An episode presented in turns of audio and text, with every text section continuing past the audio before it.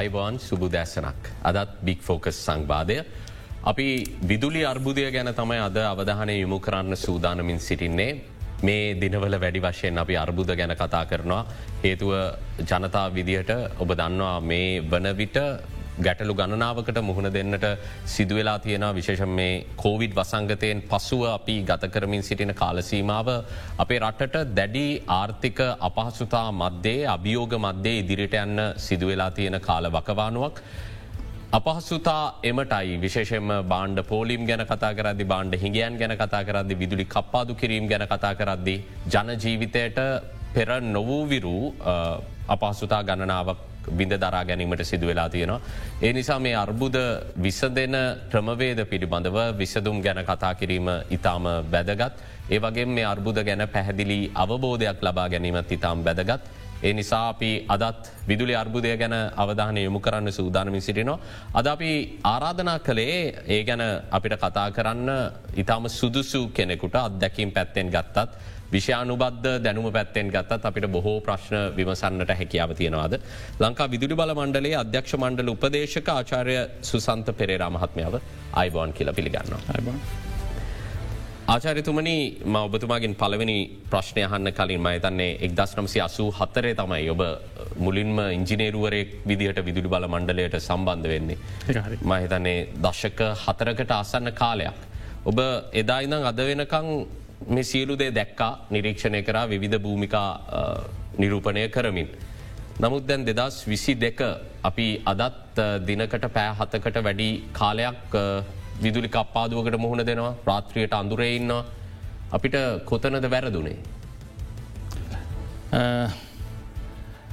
ඇත්තරම මේ කෙටිම උත්තරයක් දෙනවන්නන් හැම දාම අපිට මේ වගේ විදුලීය සන්ධිකිරීමක් දීර්ඝකාලීනු කරන්න සිද්ධ වෙන්නේ හැම අවස්ථාවකටම අපේ පද්ධතිය තියෙන ඉල්ලුම සපේමට තරම් අවශ්‍ය උත්පාදන ධාරිතාවක් අපිට නැතිවෙන තත්ත්වයක් උඩ. එතරේ ඒ තත්ත්වය ඇතිවෙන්නේ කෙටිකාලීන් සහ දීර්ඝකාලීන ගැටලු දෙකට බෙදන්න පුළුවන්. එකක් තමයි කෙටිකාලීනව අපි තවමත් විශේෂයෙන්ම ජලවිදුලිය මත රඳා පවතිනවා අපේ උත්පාදන ධාතාවෙන් යම් ප්‍රතිතතයක් ලබා ගැනීමට. එතකොට නියංකාලයක් වගේ ආපු හම හැම වසරකම ඔය විදුලිය කපපු කාලය ගැන බැලුවොත් එහෙම පහුගේ වර්ශෝල එකන්න මතගතය එක්දා සමති අනුහයේ එහෙම අපිට මත හිටින වාශී ලකට දෙදස් කනක් වල. අර හිතපු විදුරවල වැතුමාට කරුවල ජැසුරී කළ හැමකිවේ ඒ කාලයේ විදුලිය ඔය වගේ පෑ හය හතාට කපපු කාලවල. ඊට අමතරව තිබුණා පැය එක දෙක කපපු දේවල් ඒවා දැන් එතර ඉතිහාසේ එච්චර මතකනෑ.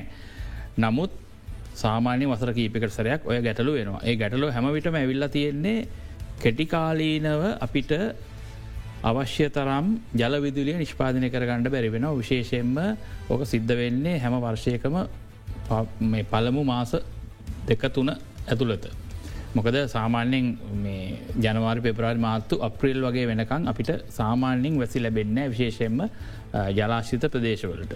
එතොට එහෙම වුණහාම අපි අවුරුද්ධ පටන්ගන්නකොට ජලාශවල තියෙන ජලවිදුලිය ජලය ප්‍රවේශමෙන් කළමනාකරණය කරලා ඊළඟ මෝසම්බැසි ලැබෙනකං විදුලිය අකණ්ඩව ලබාදීමට තමයි හැමදාම පියවර ගන්නේ. නමුත් හුඟක් කලාවට අපිට අවුරුද්ධ පටන්ගන්නකොට අවශ්‍ය තරං ධාරිතාවක් ජල විදුලිය අපිට නිපදවන්න ජලාශවල නැතිවුණ හම ඔය ප්‍රශ්නය ඇතිවෙලා තියෙනවා. ඇ දෙදස් විසි දෙක වර්ෂයේ මීට අමතරව තියෙන ප්‍රශ්නයක් තමයි ජලවිදුලිය නිෂ්පාදනය කිරීමේ ධාරිතා අඩුවනවා වගේම තාප විදුලිය නිෂ්පාදනය කිරීමට බාධාවක් ඇති වුණා විශේෂයෙන්ම ඒ අවශ්‍ය ඉන්දන ලබා ගැනීමේ ගැටලුව නිසා. මත කඩින් කඩ ඉන්දන ලැබුණා. ඉන්දන ලැබෙන වෙලාවට මේ අවශ්‍යතර නිෂ්පාදය කන පුළුවන් වුණා. නමුත් ඉදන නැතුව බලාගර නවත්තන්න වුණ. එතකට විදුලිය කැපියම මුලින් ආරම්භුණ එතනදී. එතන දිහැබැයි තව දීර්ඝකාලීන ප්‍රශ්නයකට අපිට යන්න වුණා. මොකද අරමම කලින් කිව්ව වගේ අපි මේ වර්ෂය පටන්ගන්නකොට ජලාශවල ජල විදුලිය නිපදීමට අවශ්‍ය ජලය ජාරිතාව සෑන ප්‍රමාණයක් තිබුණ ඇතන වෙන වර්ශවට සාපේක්ෂව මේ අපිට සෑහිමකට පත්වන්න පුළුවන්ත ප්‍රමාණයක් තිබුණ පසුගේ වසර හොඳින් වර්ෂාව ලැබුණ ගැන දෙදස් විස්සි එක වර්ෂය කියන්නේ ඉතිහාසේ වැඩියම්ම වැස්ස ලැබුණු වර්ෂයක් හැටියට මේ සඳහන් වෙන වර්ෂයක්. එහෙම වෙලත් දැංගුවක්කයි ප්‍රශ්නයක් කලා මේ තත්වට ආවේ කියලා ඒකට ප්‍රධාන හේතු දෙයක් වුණා.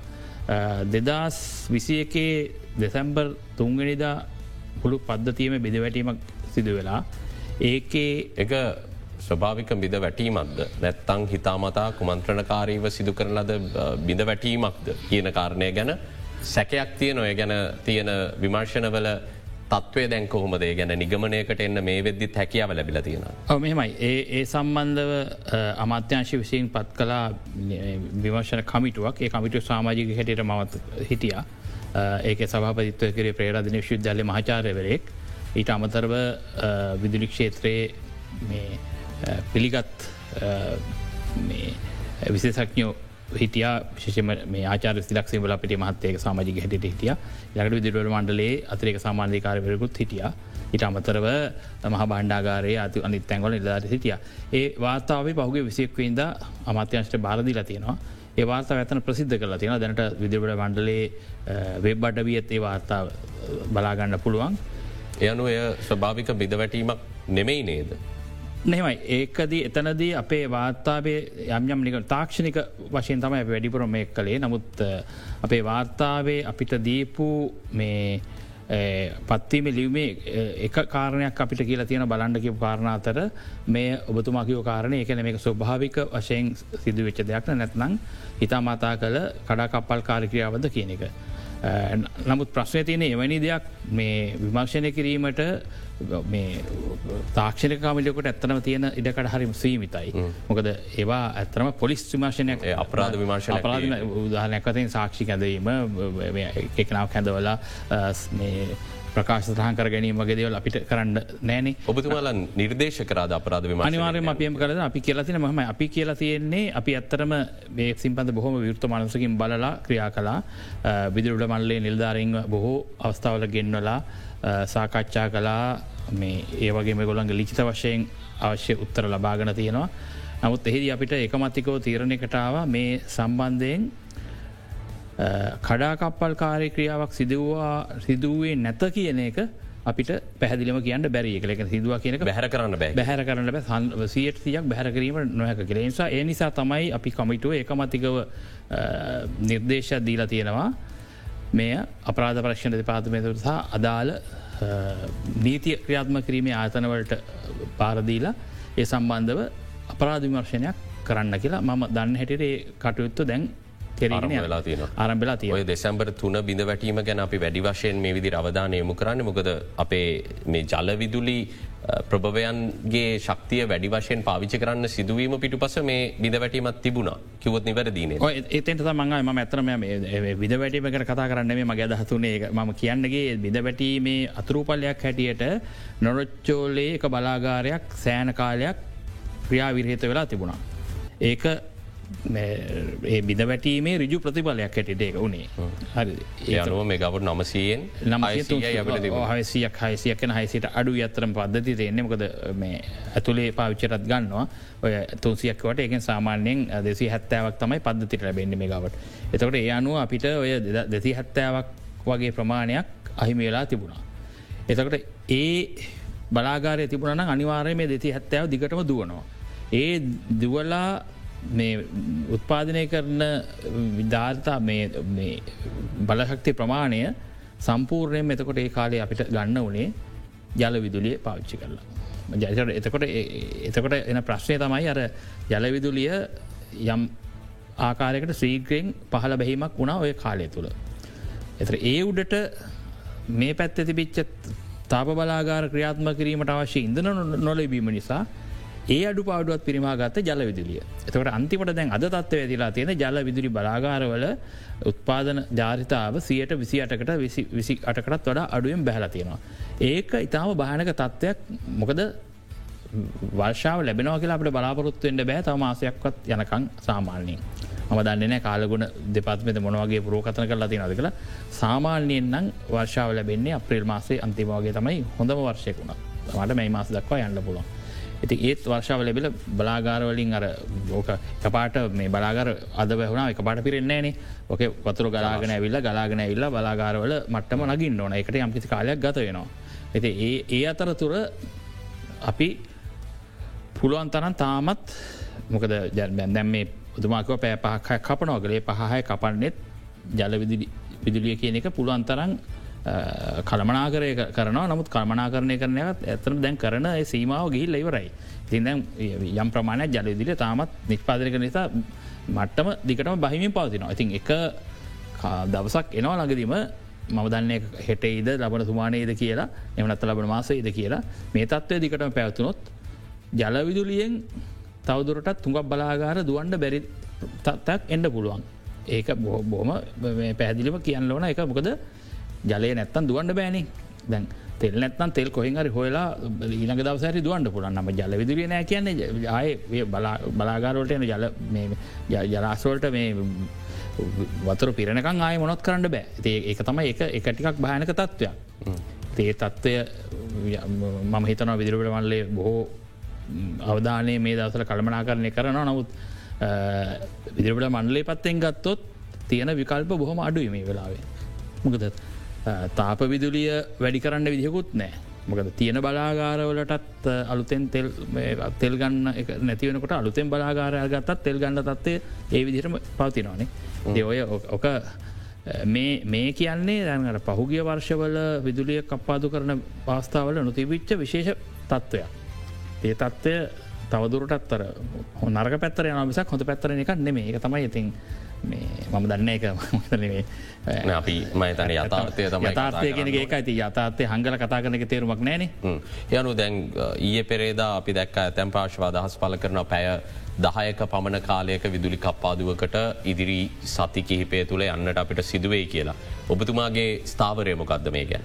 මෙමයි එක පාරටම පැයදහකට යනවද අටකට යනවද කියන එක මහිතන කියන එක මේ වෙලා කියන මොකද මේක දැන් බුතුමාම දකිින් ඇති පහුගේ මාසයක් හෝ දෙකක් ඇතුළත දිනපතා ඒ තත්ත්ව වෙනස් වෙනවා. මොකද සමහල්ලාට ඔබතුමාම දකිින් නැති මේ සමහරලාට ඉදන්න ලැබෙනවා සමහරට කියන්න හෙට පැය අටක් විත කපන්ඩවේ කියලා ඊට පස්ස බලකට කපන්නේ නැති එකන්ද මහිතන්නේ ම දැම්මත නිදගෙන පෑදහකින් කපන්ඩවේ කියලා කියන එක ම හිතන්න එච්චර සුසු යන්නේ මොකද තියෙන අද තියන තත්වයන් මේ විදිට දියොත් සමහල්ලාට පැය අටකට විතර යන්න පුළුවන් කියලම අනුමාන කරන්න පුළුවන්. අපි මෙහෙම කිවොත් මේ තියෙන ප්‍රවණතාවය දිහා අපි අධ්‍යනය කරමින් බලද්දී මේ පෑගාන වැඩිවන පැත්තට දෙයන්නේ අඩුවන පැත්තට. ඒකට නම් කියන්න පුළන් පෑගාන වැඩිවන පැත්තට තම යන්න කියලා මොකද අමතර ධාරිතාවක් පද්ධතියට මේ වෙලාව හදිසි එක්කාසු කිරීම ඉතාම අපහසු කාර්යයක්. එහෙම එක්කාසු කරත් කරන්න වෙන්නේ තාප බලයනේ තාප බල කියන දැනට මහිතන විදිරට පන්ඩලය යම් ක්‍රියාමාර්ග කරගෙන යනවර ඇබලි පිටිය එමති විච්ච කොන්ත්‍රත් ඉවරලා තිබිච්ච තාප බලාගාරයක් මේගාවට් සීයක. ඒ ආය පද්ධතිට සම්බන්ධ කරගන්නඩ ඒ සම්බන්ධව මංහිතන්නේ දැන් සාකච්ඡා කරගෙන යනවා. එක වෙයි. නමුතේ සී ආවත් අන්තිපට තෙල් සපයා ගැනීම පිළිද ප්‍රශ්නයක් වන එක දුවන්න දැවිතෙල්ලින් දුවන බලාගාරයක්. බොහෝ විට එක පෞද්ගලික බලාගාරය නිසා ඒ සමාගම විසීම තෙල් සපයා ගැනීමේ හැකියාවත් තියෙන්ට පුළුවන්. කෙසේ වෙතත් අන්තිමට ඔක්කොම ප්‍රශ්න ගොඩු වෙන්නේ ඔය තෙල් ලබා ගැනීමටම තාප විදුලිය තවදුරටත් මේ පද්ධතියට අද තියන තත්වය යනුව එකතු කරනවා කියන්නේ ඒ තාප විදුරි බලාගාර ක්‍රියාත්ම කිරීම ප්‍රශ්ය ඉදනත් ලබා ගැනීම ක්‍රමයක් තියෙන් ඕන හෙම ක්‍රමයක් නැතිවුණොත් එහෙම ධාරිතාවක් එක්කව කලා කියලා තේරුමක් නෑ. අපි උපකල්පනය කරමු අප්‍රේල් මාසේ අග මැයි මාසේ මුල අපිට හොඳ වර්ෂාපතනයක් ලැබෙන්න්නට පටන් ගත්තා කියලා. නමුත් මේ තියෙන ඉන්දන අර්බුදය තවදුරටත් ඉදිරියට යනවා නම්. එවිටත් අපිට පැවිසිය හතරම අකණ්ඩ විදුලි සැපීමක් ලබාදීම අභියෝගයක්ද. අනිවාර්ය මේ අභියෝගයක් වෙන මොකද ඉන්දන මොකද එකට එහෙමන් කියන්නේ ජලවිදුලියෙන් විදුලිය අවශ්‍ය ප්‍රමාණයට නිෂ්පාදනය කරන්න හැකියාව තිබුණත් ලංකාවේ තියෙන ඉල්ලුම සම්පූර්ණයම ජලවිදුලියෙන් සපයන්ඩ පුළුවන්කමක් අපිට නෑ. විශේෂයෙන්ම අපි පීකවස් කියල කියන දැක ඇට තමයි අපේ වැඩිම විදුරල්ලිම ලැබෙන්නේ එකට දවල් කාල්ටත් කර්මාන්තාදී නිසා වැඩිම විදුරල්ලිම ලැබෙන කාලයක් කෙනවා. ඒ කාලයට අපිට අවශ්‍ය තරන් උපාදන ධාරිතාවක් නැත්තං අනිවාර්යයෙන්ම විදුලිය කපාද කිරීමක් කරන්න සිද්ධ වෙනවා. එතකොට එකන ජලවිදුලිය විතරක් පාවිච්චි කරලා ඔය කියන ඩිමාන්්ඩ එක දෙන්න හැකියාවක් අපිට අද නෑ. එතකොට අපිට අනිවාරයෙන්ම තාප බලාගාර තියෙන්න්නවන එතනින් විශාලම කාර්යභාරයක් කරන්න අපේ නොරොච්චෝලේ ගල්ලගුරු බලාගාරය. ඊට අමතරව මේ දැවිතෙල් වලින් සහ ඩීසලලින් දුවන අනිකුත් බලාගාර තියෙනවා. විදිබල අංචේ බිදුර මණ්ඩලේ සතු යතියන පෞද්ගලිකාංචය සතු යතියෙන යොක්කොම අවශ්‍ය වෙන අපිට ඔය කියන ලංකාවේ ඉල්ලුම සපයන්ඩ නම්. ඒකට අනිවාරයම තාබ බලාගාර ක්‍රියාත්ම කිරීමට අවශ්‍ය ඉදන කියන එක.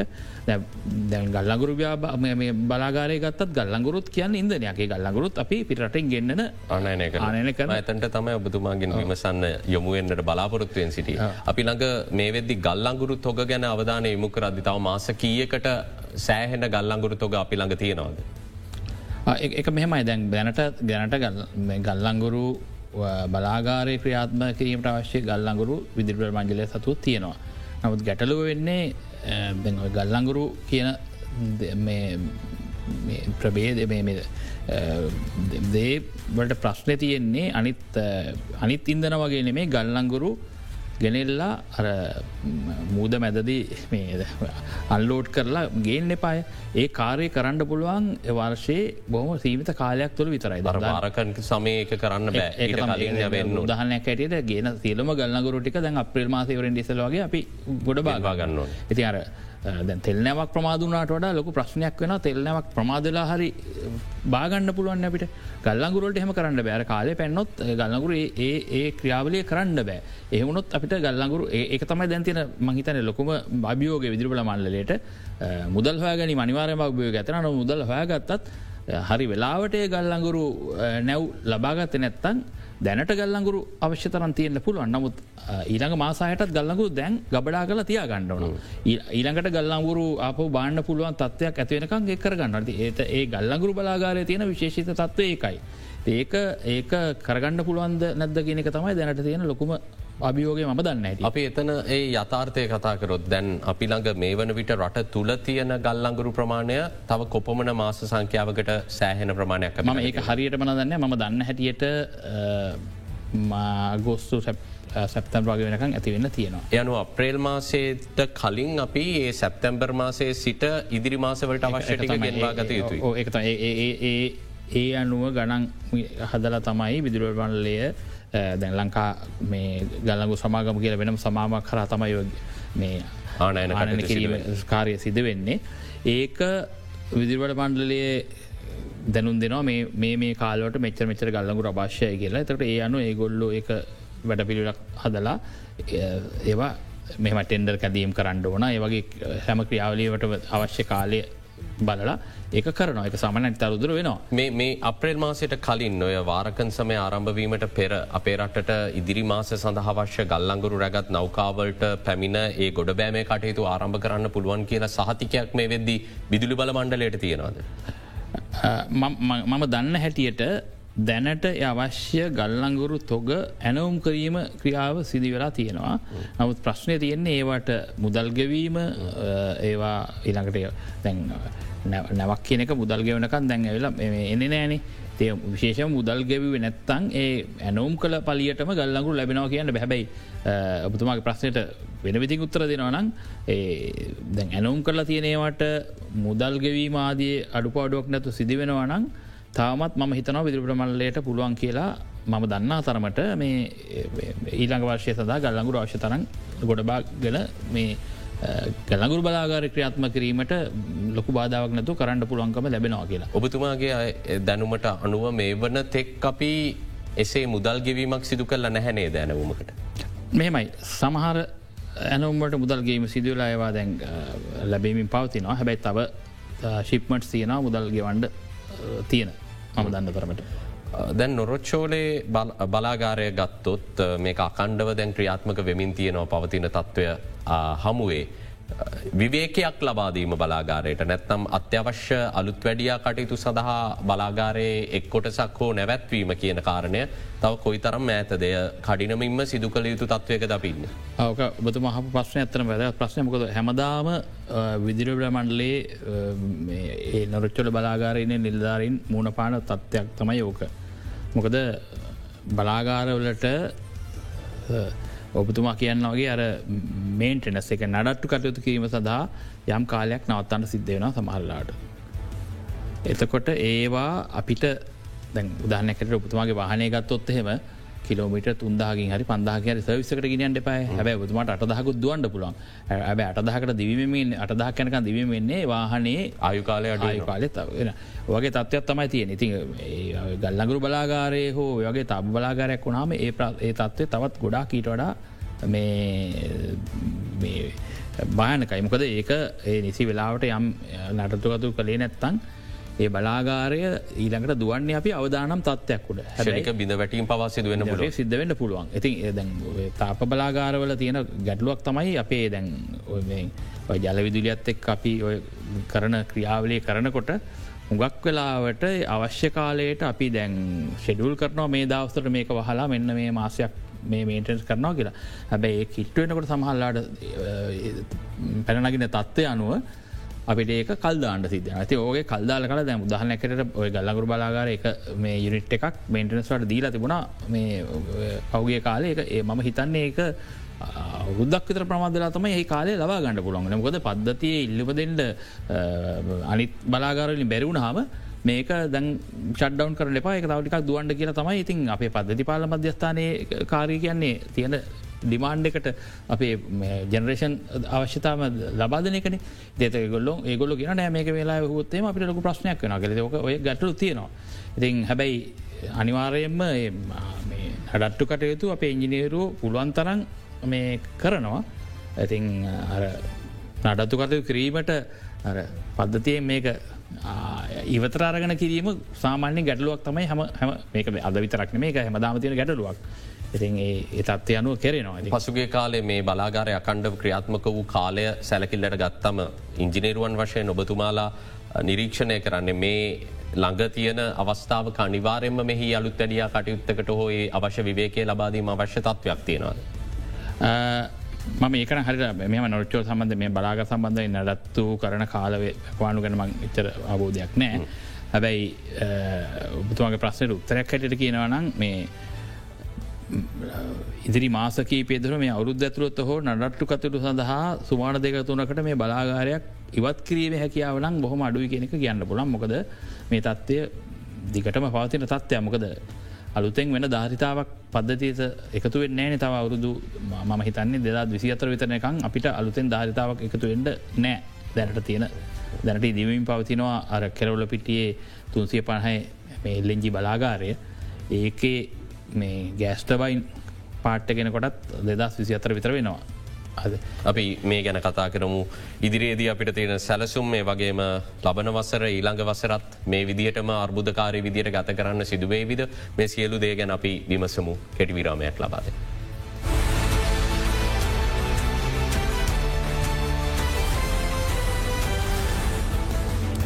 ලංකා විදුලි බල මණ්ඩලේ අධ්‍යක්ෂ මණ්ඩල උපදේශක ආචාරය සුසන්ත පෙරේරා මහත්මයක් අපි සාකච්ඡා කරන්නේ. දැන් අපේ පිරි පහදුව තාවකාලිකව වසා දමන්නට තීරණයක් කරං තියෙනවා පවතින තත්ත්වයක් එක්කය ලාබදායින් නොවන බවට ආණ්ඩුව තීරණය කිරීම නිසා. එක කොහොමද විදුලි උත්පාදනයට මේ වෙද්දි අභියෝගයක් බවට පත්වෙලා තියෙන. එක පිරිපහදුව වසාදේම නිසා පිරිපහදුවෙන් එන ප්‍රධාන තෙල්වර්ග දෙකක් අපිට නැතු යන එකත් තමයි දැවිතෙල් අපේ බලාගර බොහොමයකට පෞද්ගලකාංශයේ සහ විදිරවල මණ්ඩලේ බලාගර බොහොමයක් තියෙනවා දැවිතවලින් දුවන. උදාහරණ කිව්ගොත දැන් අපි දැවිතලින් දුවන දානයක් හැටිට පෞද්ගලංශයද යුගදනව බලාගාරය. මේකවත්තුන්සියක් එක දැලි දැවිතලින් ක්‍රියාත්මක වෙන්නේ. එ විදිල්වල්මන්ලේ තියෙනවා දයාපනය තියෙනවා උතුරු ජනනි කළ ඊළඟට වරාය තියෙනවා බාජ් ලාන්ට ඊළඟට සබුගස්කන්ද තියෙන ඔක්කොම සංකීර සංකීරණයම තියෙන දැන් දැවිතලින් දුවන්න. ඇති ඒ එතකොට ඒ දැවිතෙල් සපයාගණඩුව අනිවාරයම කෙලින්ම දැවිතෙල් හැටියට මේ පිටටින් ගේන්ඩ ඕන එතොට ගේනකොට අර පැනගෙන ප්‍රශ්න ඔක්කොමතකට බලපානවා. ඊළඟට දෙවනි කාරණය තමයි අපේ විදිරට මන්ලට අයිති තියෙනවා දූචක්‍ර බලාගරේ කම්බයින් සයිකල් ලාන්ට එකක් තියෙනවා කැලනි තිස්සේ ඒක දුවන්නේ ඔය පිරිපහදුවෙන් එෙන නැෆ්තා කියන මේ බයි පොඩක්ට එක. නැප්තා කියන පාච කරන බල එකම බලාගාරය දැනට ලංකාව තියන එක විතරයි. කල තිස්ස කලෙත හැබ එක ඩීසල්ලට වඩා සෑහන ලාබැයි එකෙන් දුවන එකට. තේ නැප්තා කියන එක ඉම්පෝට් කරන්න පුලය කරන්නේ මේ නැප්ත කියන එක අරකෙන් එෙන අතුරු පලයක් හැටියට එන එකක්. ඇත්තරම මේ ඔය බලාගාරය නැප්තලින් දුවන්න හැටියට සැලසුම් කළෙත් ඔය පිරිපහදුවෙන් එන නැප්තා පාච්චි කිරීමේ අභිලාශයෙන් මොක ඒක විදිර මණ්ඩට ලාබයි මේ පිරිපාදු පැත්තෙන් ගත්තේ නැප්තා පිටට පටෝල ලොකු බුදරක් හොයන්ට බෑ ලොකු අමාරුකාරය එතකට විදිරබන වල්ලට ඒක ලබාදන එක ඒ පැත්වනුත් යහ පාසුවයි. නමුත් ඒක නැති වුණහම ඒ බලාගාරය ක්‍රියාත්ම කරන්නෙත් ඩීසල්ලොලින්. එතකට ඒක ඉතාම මිල අධික වැඩක් වෙනවා. දැම් පහුගිය කාලේ මම කතා කරපු යුගදනබි බලාගාරයත් එක සාමානයෙන් දැවිතෙල් වලින් දිව්වට දැවිතෙල් නොමැතිවීම නිසා එක දැවිතෙල් අංකාව නැතු ගයානේ. නොමැති නිසා ඒ වෙනුවට ඩීසල් තමයි එක පාච්චි කරේ. බලාගාරය ඩිසයින් කල තින ඩීසල් හරි දැවිතෙල් හරි ඔන්න දෙකින් දුවන්ට පුළුවන් විදිහට. ඒ ඒ නමුත් විදිරට වන්ඩලේ ප්‍රශ්නය පැත්තෙන් ගත්ත ප්‍රශ්නය වෙන්නේ ඒ බලාගාරය ඩීසලිල් දුවන එක මිල අධිකයි. දැවිතෙල්ලට ොඩ ඇති තරපි ශාල පිරිවයක් දරනවා. ඒ දීසලින් ඒ බලාගාරය ක්‍රියාත්ම කිරීම වෙනුවෙන් අමත පිරිවයක් යන. තේ ඒ සම්බන්ධෙන් ඇතන කවුත් වැඩි කතා කරන මොද මේ දස්සර වඩාත්ම ප්‍රධාන අවධානය තියන්නේ පුළුවන්තරන් විදුලිය සැපීම එතොට දැම්මේ කරන ක්‍රියාවලියදත් යන වියදම කියන ගැන ඇතරම ගොඩක් කතා කරන්න නමුත් ඇත්තරම වියදම කියන්නේ මේ පාඩුව වැඩිවීම. පාඩු අනිවාර්යම ආද මේ ලාභයක් තියපු තැනක් නෙමේ අනිවාර්ය බල මණ්ඩල ඒ වියදම කියනක කොහට හරියන්න පාය බැලන් ශීටය කොහර තියෙනවානක එතර පාඩුව බිලියන මෙච්චර බිලියන මෙච්චර කියලා කියන මිසක් ඇතරම ඒ එනෙන්න්න වැඩි වෙනවා ඒක තමයි ඔය ඔබතුමා ගහ ප්‍රස්ථට මේ තියෙන උත්තරය. යනුව දැන් අපිට සුභවාදීව බලන්න කිසිම හැකියාවක් නැත් අවුරුදු කාලේ අපිට වර්ෂාපතනය ලැබුණොත් හරි. අපිට නැවතත් අර පෑ විසි හතරම බයනැතුව විදුලි සැපීමක් ලැබෙන රටක් බවට අයි පත්වවෙන්න පුළුවන් කියලා අපිට හිතන්න විදියක් නැද්ද. මම ඒකට මෙහම උත්තර දෙන්නම්. මේ අනාවකි කියන්න බෑනේ. නමුත් වර්ෂාව අනිවාර්යම ඉළඟ මෝසං වැසි ලැබුණොත් අපි හිතමු අපේල් මාසයාග හරි මේ මාසේ ලැබිලා ජලාශවලට අවශ්‍ය ප්‍රමට වතුර ලැබීලා තාප බලාගාරලත් යම්තාක් දුරකට මේ මඩිපාඩුව මඩිපාඩ මංකෙන යම්තක් දුරටිය මංකෙන සියලුම තාප බලාගට ඉන්න නොලබුණත් අවශ්‍ය ප්‍රමාණයට තාප බලාගාර ක්‍රියාත්ම කිරීමට ගල්ලංගුරු බලාගර ඇතුළ ගල්ලංගුරු බලාගරටන් මංකිතන අවුදු කාල ප්‍රශ්නයක් වෙන්න අනිවාරෙන්ම ලැබුණොත් නැවතත් පැවිසි අතරම විදුල දීම තත්වයක් උදාවෙන්න පුළුවන්. නමුත් එතන ගැටලෝ තියෙන්නේ අලුතෙන් බලාගාරයක් නැවත එකතු වෙන්න තියෙන්නේ පාදන ධාරිතාවක් බලාගරක් කියන ධාතක් එකතු වෙන්න තියෙන දස් විසිතර වගේන. ති ඒ වෙනකම් මේ ප්‍රශ්නය දිගටම පවතින්න පුළුවන්. තෙල් ප්‍රශ්නය විස්ත ගණඩ බැරිවුණොත් අපිට. තෙල් ප්‍රශ්නය කියනකට මේ මතකතියා ගන්න උතන ප්‍රශ්න දෙකක් තියෙන දැන් තෙල් සැපීම ප්‍රශ්නයක් දැනට තියෙනවා. නමුත් තෙල් සැපීම කියන එක ආවත් ඊළඟ ගැටලු වෙන්න මුදල් ප්‍රශ්නය. දැන් ඇතරම කනිජතෙල් නීති ගසංස්ථාවෙන් අපිට තෙල් ලබා දෙනකොට අපි තෙල්ලට මුදල් ගවන්ට පාය දැනටත් අපි මංහිතන්න බිලියන් සියකට හෝ ඊට වැඩි ගානක් කනිජල සංස්ථාවට ගවන්ට තින දිරුවට මල්ලේ. එතකොට ඒ තෙල්බිල මිල ගණනු දිනෙන් දින ඉහල යමින් තියනවා. තෙල්බිල ගණන් දැන් අතරම තුමාලගේ විදුලි බිල ඒ සංශෝධනයක් සිදු වෙලා නෑ ඒකතම ඉලක ගැටලු දැන් විදුලි විදිලි බිල්ල සංශෝධනය නෑනේ දෙද දාහතරදලා දැන් දෙදස් දාහතරේ ඇත්තරම විදුරබිල සියටිස්පාකින් අඩු කෙරවා. දෙස් ඒමොකද නොරච්චෝලි අර දෙවනි හතුන්ගනි අදිර ආපු වෙලාවේ. ඇත්තරම දැන් මම මේ කිව්වා මේ දෙදස් එකොළහේ අපේ මේ විදිරබ්‍රමණලේ ඇනෝල් රිපෝට් එක. ඒක තියෙන මේ මුලින්ම තියෙනවා. ම ඉංග්‍රීසින් කියවන එක ඇත්තම තියෙන්නේ මේ ඉංගලිය තියෙනෙ our task is to provide continuous supply of electricity at an affordable price to enhance life and to assist development projects in the rural areas of the country. ඒගැන් අපි වතර දහයකට ඉස්සෙල්ලත් අපි කියලා තියෙන්නේ නොකොඩවා විදුලිය ලබාදීම සහ ජනජීවිතය අලංකාර මේ ආලකොත් කිරීම සදා තමයි අපේ අරමුණ කියලා. සහරටේ සංවර්ධ සංවාධන සංවාධනය කරන ඇති එතකොට කියන්නේ අපි අවුරුදු දායකට එකොලාක් ෙසල කිවදෙත් තාම අපිට කරගට බෙරිලා තින ඒක ඇත්තන විදිරවල මණ්ඩලේ පැත්තෙන් මකන ඒවගේම විදිරබල මණ්ඩලයට සම්පූර්ණම ගණඩ බැරිවෙයි නමුත් ඒක සමස්තයක් වශයෙන් මුළමුළු රටේම මේ නොහැකියාවක් ඇත්තරම බලන්නකොට. දැන් අපි ඊළඟ වර්ෂය ගැන කතා කරත් දැන් වැස්සාාවට පස්සේ මේ වර්ෂයේ ඉතිරිමාස ටික අපි ඉන්ද අර්බුදයත් යම්තාක් දුරකට හෝ විසඳගෙන මේ තුලනයකට ආව කියල කියමු නමුත් යළි වර්ෂාවාඩු වෙලා ජල විදුලි නිෂ්පාදනය අඩුවනාට පස්සේ අපි නැවතත් ඉන්නේ අර්බුදයක. එතකොට අපි මේ අර්බුදයට විසඳම් හොයලා නැහැ පසුගිය අවුරුදු කිහිපය ගත්තට පස්සේ. අපි සකස්කරපු ජනන සැලසුම් ක්‍රියාත්මක වෙලා නෑ. එතකොට අදටත් අපි ඔබතුමාල විදුර බල මණ්ඩලේ විදියට හදලතින් ජනන සැලසුම් ක්‍රියාත්මක වෙමින් තියෙනවාද. අපි මේ අර්බුදයෙන් දීර්ඝකාලිනව එල්ලියට යන පාරක හෝ ඉන්නවාද. ඕක මෙහෙමයි මේ සරලව කිව්වොත් මම කලින් කිව්වාගේ මේ හැමදාම වගේ අර්බුදයක් ඇදීමට හේතුව අපිට කැටිකාලින හෝ දීර්ඝකාලීන අපි අවශ්‍ය දේවල් කරල නැතුව අපිට ඒ අවස්ථාවදී තියෙන විදුලි ඉල්ලුම සපයන්න අවශ්‍ය උත්පාද ධාතයක් නැතිවීම. ඒකට අපි මුල් හේතු හැට ගොත්තේම ඔබතුමාගෙන කතාව බොහදුරට ඇත්ත මොකද විදිරුබල මණ්ඩලේ විසින් දීර්ඝකාලීන ජනල සැසුම් කියල දෙයක් හැමදාම හදනවා ඒ ජනන සැසුම් වල තියෙන්න බලාගාර හුවක් කරට ක්‍රියාත්මක නෑ. මෙතද කියන්න ඕන ක්‍රියාත්මක නොකිරීමේ වගකීම කියන එක හැම කොට්ටාශක දරන්න විදිර බලා මණ්ඩලේ ඇතුළු ඒක මංහිතන්න පැදිලිම කිය යුතුයි මොකද සමහර බලාගාර ක්‍රියාත්ම කරන්න ගිහිල්ලා විදිර බල මණ්ඩලේ තින අභ්‍යන්තර ක්‍රියාමාර්ග නිසා යවන කර දින එක එක සමහර නිලධාරන්ගේ තියෙන ප්‍රශ්නහරි නැත්තං අභ්‍යන්තර තියනකත්තේ. සමහරයව තියෙන අමාත්‍ය අමාත්‍යංශය තියෙන ගැටලු නිසා.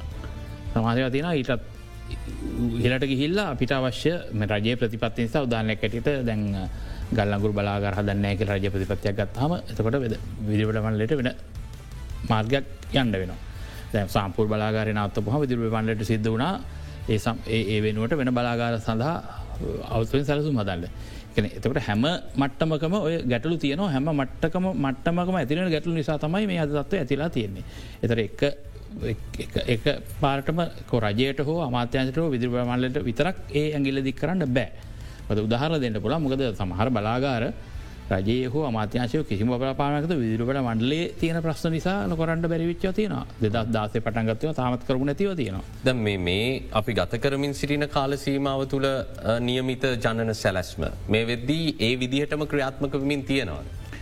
මෙම ඒ ජන සැලස්පේ දැම්ම කලින් කිව්වනේ දැන් අර යුගතන බලාගාරයත් ඇත්තම ජනසැලස්පේ හැටියට මාපි කන්නේ මේ යුගතනය බලාගාරයත් ඒ අවස්ථාවේදී ටෙන්ඩර් ක්‍රියාවලයක් ගිහිලා ටෙන්ඩර් ඇවිල්ලා නමුත් ඒ ටෙන්ඩරලින් අපි කන්නම අන්තුට දොරගත්තේ නිව ෆෝට්‍රස් සමාග නෑ යුගදනවි කැන දැන්ම කැන එක්දස්මති මුල්ල මුල්කාල මේ කාලෙක්කතු ඒක කරන්නකොට එක තොට හැ ඒක දෙකටමා විටපය ඊට පස ඒක දැඟපතුම කතා කරන්නේ එල්ජ එල්ජ පරිවතනක ඒක එල්ජවලට පරිවතන කළ දුවන්ට පුළුවන් විදිට ඩිසයින්කර බලාගර ඒද එක ලොක් ගැටලුවක් නෑ. නමුත් දැගෙල්ලි අමතරව තමුණද අපි යෝජනා කල තිබ බලාගාර? මේ ඒ මෙගබොත්තු එල්ලෙජිවලින් දුවන තව බලාගාරයන දැන් දැනට එක ඉදිකිරීම කටයුතු දැන් කොන්ත්‍ර අස්සන් කල ඉදිකිරීම කටයුතු කරමින් පත්න සබාධනමි කල තුසිය පණහග එකක්. ඒක අපේ ජන සැලස්ම බැලුත් ඒ එන්න තිබුණේ මට මතකට එක දෙදස් දහනම නැත දෙදස් විස්සේ දෙදස් විසනකට ක්‍රියාත්මක වෙන්න තිබිච බලාගාරය. ඒක ඒක ටෙන්ඩ ක්‍රියාවලියේ වෙච්ච යම් යම් ප්‍රශ්න නිසා දෙදස් දාස ඉඳලාම ඇද අද ඇවිල්ලා ඒක කොන්ත්‍රාත්්‍ය කන්තිපට අස්සංකරවේ දෙදස් විසියක. අපේ එතනදිත් ඒ ටෙන්ඩ ක්‍රියාවලි එච්චර කාලයක් ගතවීමට අමාත්‍යශය ප්‍රශ්න තිබුණ විදුරට මල්ල ඇතුළ තාක්ෂණය කමිටුවේ ගැටලු තිබුණ. ඒකොම ගැටලු වල ප්‍රතිබලයක් හිට තම යොක්කොම ප්‍රමාදලා තිය කෝම රටට බලාගාරයක් හිමිවීම කල්ගත වුණ. සට අනිවාරයම කල්ල දේ බලාගාරය කලින් ආවනං මේ අද මේ තත්වේ තියෙනෙ නෑ. මොකද එක අනිවාරෙන්ම මේ තුන්සිය පණහක් ලංකාට හම්බෙනවා මේ ධාරිතාව දැ මේ යන විදිට සුබාධන බලාගාරය කොපමන කාලකින් අප පද්ධතියට ම මෙත දෙදස් විසි අතර වශ්‍ය විතරනකොට එක අඩුවානි අර මේ ගෑස්ටබයින් ඒකන මේකව් දෙසි ගානක් වගේ එතර දෙනවා. ඒකාවට පස්සේ ප්‍රශ්නය බෝදුරට මොකද ඒ වෙනකොට එල්ලෙන්ජී සැපයුමත් ක්‍රියාත්ම කලා තිබුණොත් එතකොට ම හිතන එල්ලෙන්ජී කියනක දැන් අද තත්වය ගත්තොත් එහෙම එල්ලෙන්ජී වලින් ක්‍රියාත්ම කිරීම ගල්ලගුරට ලාබදාග තත්ව ඇතිලා දමද ගල්ලගුරු මිල ඉතාම ඉහල යමින්තිය යලයමින් තියෙනවා. දැන් එලකනට අපි කලින් කිව රුපියල් අට දහය දොල්හ කියන කතා තවදුරටත් වලංගු වෙන්නේ ගල්ලංගුරු වල මේ ඒකකට යන මිලට. මදක ගල්ලගුරු මිල එන්න වැඩිනවා නමුත් එල්ලෙන්ජීවලට යන්න අපි අර පාවෙන පරයන්තය ඇතුරු සියලුම දේවල් ඒ සම්බන්ධ ඒ සම්බන්ධ නැතින් යම් දැ පදන්නවනේ මේර මිනිෆෝට්‍රස් කියල දැබතුමා නමත් කිවනේ නිව ෆෝට්‍රස් කියල සමාගමකින් ආපු යෝජනාවක් කෙටිකාලන විසුමක් හැටියට ක්‍රියාත්මගෙන අතරේ විදිරුවට මණ්ඩලය විසින් ටෙන්ඩර් කැඳවලා ඒ ටෙන්ඩර් මම දන්න හැටියට ටෙන්ඩර එක අවසන් වනා ජූනි මාසේ දෙදස් විසි එකේ. හැබැයි එක දං තාමත් හැබැයි මේටෙන් එක ඉවලේෂන් ස්ටේජ්ග තියන තාම සම්බන්ධ තීරණයක් කරන්න ම දන්න තරමින්. ඒකත් ඇත නවත් නිව ෆෝට සමාගමත් එක්ේ සඳහවශ විසුමත් සංක ලිවරයි නෑ නිව ෆෝට්‍ර සමාගම එක් ඇතර මොතන පොඩි මේ ඇතර ඔබතුමත් ඇතරම නිව ෆෝටස් ගණු දෙනුව තුළට අපේක්ෂා කරේ නෑ. අද අපේ ප්‍රශ්නය වෙන එකක් නිසා. පුද ඒ ගැන කතා කරන ඔබතුමත් එක් මහිතන්නේ ඉතම සුදුසු කෙනෙක්ේ ගැන කතා කරන්න. ඕ මේකට සංකරපු කෙනෙක්. නෑ එම අස්සංකරවා කියන කාර බොරුවට මේ කෑරකට මේ සාකිට අස්සංකරපයකන අල්ලගෙන මේ ලොකු ප්‍රසිද්ධයක් දීලා රටවටේම ගිහිල්ල මේ ජාතිය පවදුන්නගේ කතා කල තමාන සභාපතුමා සහ ඔබ මේකේ සාකයට අත්සං කරගෙන ගියස් මස්සං කලේ අපි මේ ගියසු මස්සං කලේ මහ බණ්ඩාගාරය ලේකම්තුමා සහ ඒ සමාගමේ මේ බලලත් නිලධාරය අපි අස්සං කලේ අර ඕනම ගියසමකට ආග නමුත් ඒක ලොකු මේ අචරිතුකන මහිතන අපි මේ යුගධනව ගිවිසුම සහයක පවරපු ආකාරය ගැන කතාබහ කිරීමට මහිත කරන්න කාලය ප්‍රශ්ාව මතර දුන්නේ අපි මේ මේක සමස්යක් විදිර විදුලි අර්බුදය ගැන අද අවධානයමු කරන්න වැඩි වශයෙන් කල්පනා කළේ. කෙටි විරාමයක් ලබා දෙන්න. තව සුළු වෙලා අපට ඉතුර වෙලා දෙ නික්මනින්ම යළිත් තමුණ.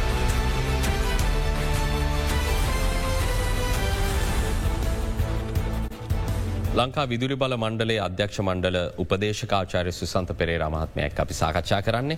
දැන් අපි විරහමයට පෙර බොහෝසයෙන් කතා කරා මේ ආනයනයේදී තියෙන අපහසුතා කොහොමද විදුලි උත්පාදනයට බාධාවන් බවට පත් වෙලා තියෙන්නේ කියලා. නමුත් අපිට ආනයනය කරන්න ඩොල වියදම් කරන්න ඕන් නැති නොමිලේ ප්‍රභවයන් විදියට පාවිච්චි කරන්න පුළුවන් බොහෝදේ අපේ රට තුළ තියෙනවා. සූර්ය බලය අපෙන් ඩොල ඉල්ලන්නේ නෑ හුළං අපෙන් ඩොල ඉල්ලන්නේ නෑ. අපි මේවා පාවිච්චි කල යුතුයි කියන ප්‍රතිපත්ති ගැන කතා කරනවා දීර්ඝ කාලයකින්දක්. නමුත් මේ වන තෙක් හෝ ඔය දෙදස් තිහේ දිසියට හැත්තෑවක පුනර්චනනීය බලශක්තියකට අපි යනවා කියන ඉලක්කය යථාර්ථවාදීව අපි ආරම්භ කල්ලා තියෙනවද මේ වෙත්ති. ඒකට මෙහෙම උත්තරත් දෙන්න මං මේ කලද මෙහෙමයි දැන් යම් යම් කාලවල පුනාර්ජනනය විදිරි බල ශක්තියෙන් මේ විදිරි බලය උපදීමේ ව්‍යාපති ඇති කරලා තියෙන ඒව පද්ධතිය සම්බන්ධලා දැනටත් ක්‍රියාත්මක වෙනවා. නමුත් ඔබේ ප්‍රශ්නයට කෙලිමුත්‍රයක් දෙනවා නං වෙනදිරිකොත් මේට වඩා අපිට පුනර්ජනය ශක්තිය පද්ධති සම්බන්ධ කරගීමට හැකියාව තිබුණදක මත් හිතන එක හැකියාවට තිබුණ කියලා.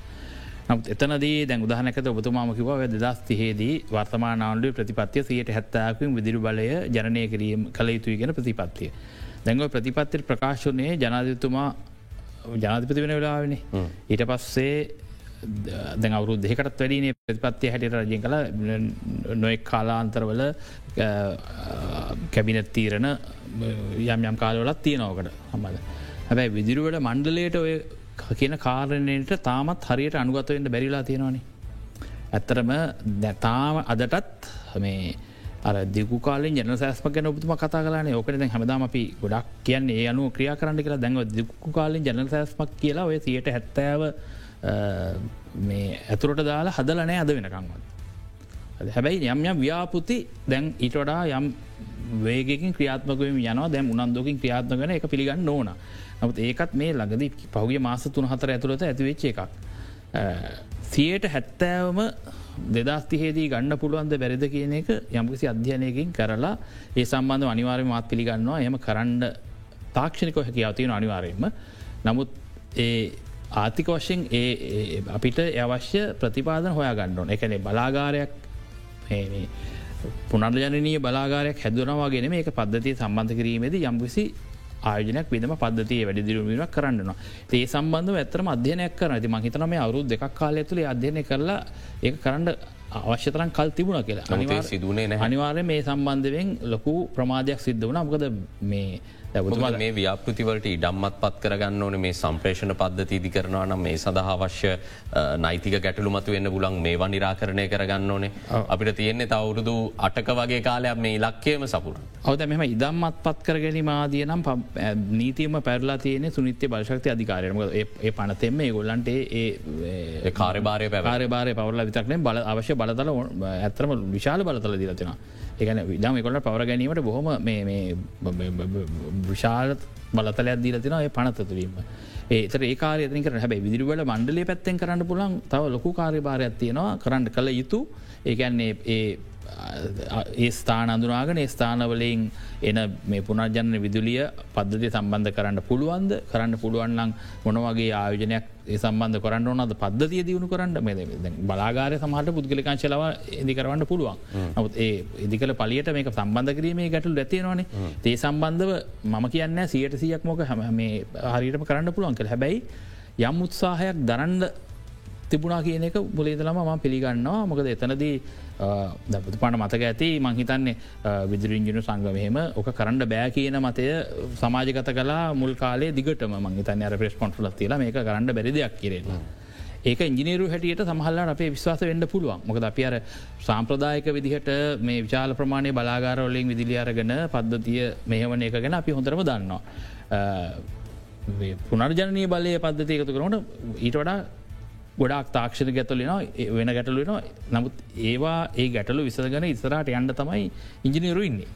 ඒ කරන්න හැමදේම කරන්න බැරිවෙන්ට පුළ නමුත් උත්සාහ කරන්න එපායි. අමඟ ඒහෙම එකක්වත් මුලදි තිබුණ දැන් මම හිතන මේ අවස්ථාව වෙනකොට යම්තාක් දුරකට කාරයට අන්ගත වෙලා වැඩ පිළිලක් කරනවා කියලා. වැද අවරු දෙක් ගත ලයිවරයගෙන මුද අනිත් පැත්තෙන් අපි ප්‍රකාශයට පත් කල තියෙන අපි නැවතත් ගල්ලංගුරු බලාගාරවලට නොයන රටක් විදිට. මේ ගැනත් විවිධ විශේෂඥයෙන් විධ මත පල කරන මං කැමති ඔබතුමාගේ මතයත් මේ ගැන දැනගන්න. මොකද අපි ඇතැම් විශේෂඥයන්කෙන් කාරණය තමයි ශ්‍රී ලංකාව රටක් විදියට මේ ගෝලීය උණුසුම වැඩිකිරීමට හෝ මේ පරිසර දූෂණය කියන කාරණයේදී හෝ තරම්ම දායකත්වයක් ලබාදු රටක් නෙමෙන් මේ ලෝක බලවතුන් තම මේකට වග කියන්න ඕනේ නිසා අපි ඔක්කොටම කලින් ගිහිල්ල ගල්ලංගුරු ව්‍යාපෘති කරන්න නෑ කියලා දැනුම්දීම අනවශ්‍යයි වගේ මතයක් කියනවා. අනිත් පැත්තෙන් කියන ගල්ලංගුරු නිෂ්පාදනයක් ළඟදිම නවතින්න තියෙන තත්ත්වයක් තියෙනවා කියලා. මේ සියල්ල සැලකිල්ලට ගත්තම මේ රජය ගත්ත ප්‍රතිපත්තිය ගැන ඔබතුමාගේ මතයමක. මෙමයි රජයේ ප්‍රතිපත්තියක් කියන එක මේ හරිද වැලද කියන මත හැමෝටම තියෙනවා නම් ඔබතුමාහු ප්‍රශ්යට මං මේ කෙලින් උත්තර දෙන්න. දැන් ගල්ලංගුරු කියන එක දැ මේ මෑතකද ඇතිලා තියෙන තත්වය මත ගල්ලංගුරු තවදුරටත් ලාබදායක කරනොවෙල්ල පුළ නමුත් සාමාන්‍යෙන් සාම්ප්‍රදායිකෝ ගල්ලඟුරු කියන එක ලබද ඉතාම ලාබදායි මේ ප්‍රභවයක් කියන එක හැමෝම පිළිගන්න දෙයක්. අද නමුත් ගල්ලංගුරුවලින් විදුලි නිෂ්පාදන කිරීමේදී අනිවාරයෙන්ම නොයකුත් පාරිසරක ගැටලු ඒව ඇතිනවා. ගෝලී ෂ්නත්වයට ලංකාබෙන් වෙන දායකත්වය ඉතාම අල්පයි. එක කියන එක ගැන ඇතර්කයක් නෑ. එක හරි. මොද ගෝලිෂ්නත්වයට දියුණු රටවල් තමයි ගොල්ලන් අදත් ගත්තු තාර්ලක නිෂ්පාදනය එකන ඒ කාලේදලම මේ අදත් ගත්තත් එහෙම තමයි කරන්නේ. එතකට ඔබතුමාගත්තු මතය තමයි ඉන්දියාව ජීනය වගේ ආරන්තයන්නේ අපි නෙමේ වක් කියන්නේ ඔයගොල තාමත් ගල්ලගොරින් වැඩ කරනවා. නමුත් ප්‍රශ්න තියෙන්නේ ඔය ගෝලිය තත්ත්වය මත ලංකාවට තනියම අපි කල්ලගුරලින් දිගටම කරනවා කියලා දිකටම කරගන යන්න පුළුවන්කමත් තියෙනව දන්න? කියනෙකත් අපි බලන්නකොද මක අනිවාර්යෙන්ම ලංකාව ඔය විශාල ව්‍යාපත කිරීමට තාමත් විදේශාධාරමත යපෙනවා. එතර විජේතාදාර දෙන අය අනිවාර්යම ගල්ලංගරුවගේ දේවට දැන් තවදුට අද උදාහනකට චීනය පවා තීරණයක් ගත්තා ගවුද්දේ පිරටල් ගල්ලංගුරු ව්‍යාපාරට ගොල්ල ආධර දෙන නෑ කළ මේ දක්වා චීනය දුන්න අනිත්‍රටල් නොදුන්නට. ඉතින් දැන් උදාහනයක් ඇටියට දැන්ගොය මම කලින් කතා කරපු කෙරොල්ල පිටියේ තුන්සිය පනා බලාගාරයට දැන් ආමේ හර නය ලාදර සපැන ආසියන සංගත ආස සංගතරගේ පුද්ගලික නය දෙන අංශය. අපිට ලංකාවට නය දෙන අර සහන නය දෙනංශයෙන්ද මේ එක කොමර්ශල් ලෝන්ස් දෙනකත්යට ඒගොල්ලන්ගේ එක අපේ කන්ඩිෂන් එකත් තමයි අවුරුදු තුනක් යන්න මත්තේ මේ බලාගාරය එල්ලෙන් ජීවලින් ක්‍රියාත්ම කරනවා කියලා.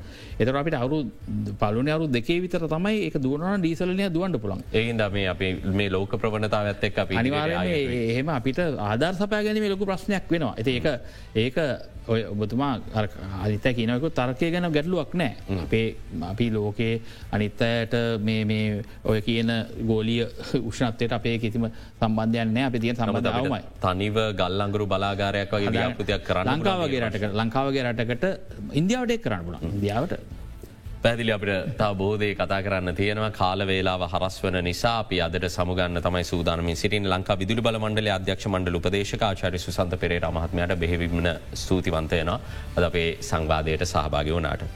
මිනතුරුව ඔබට පුළුවන් දහවල් ප්‍රධාන ප්‍රෘති ප්‍රකාශ සමගය කරන්න.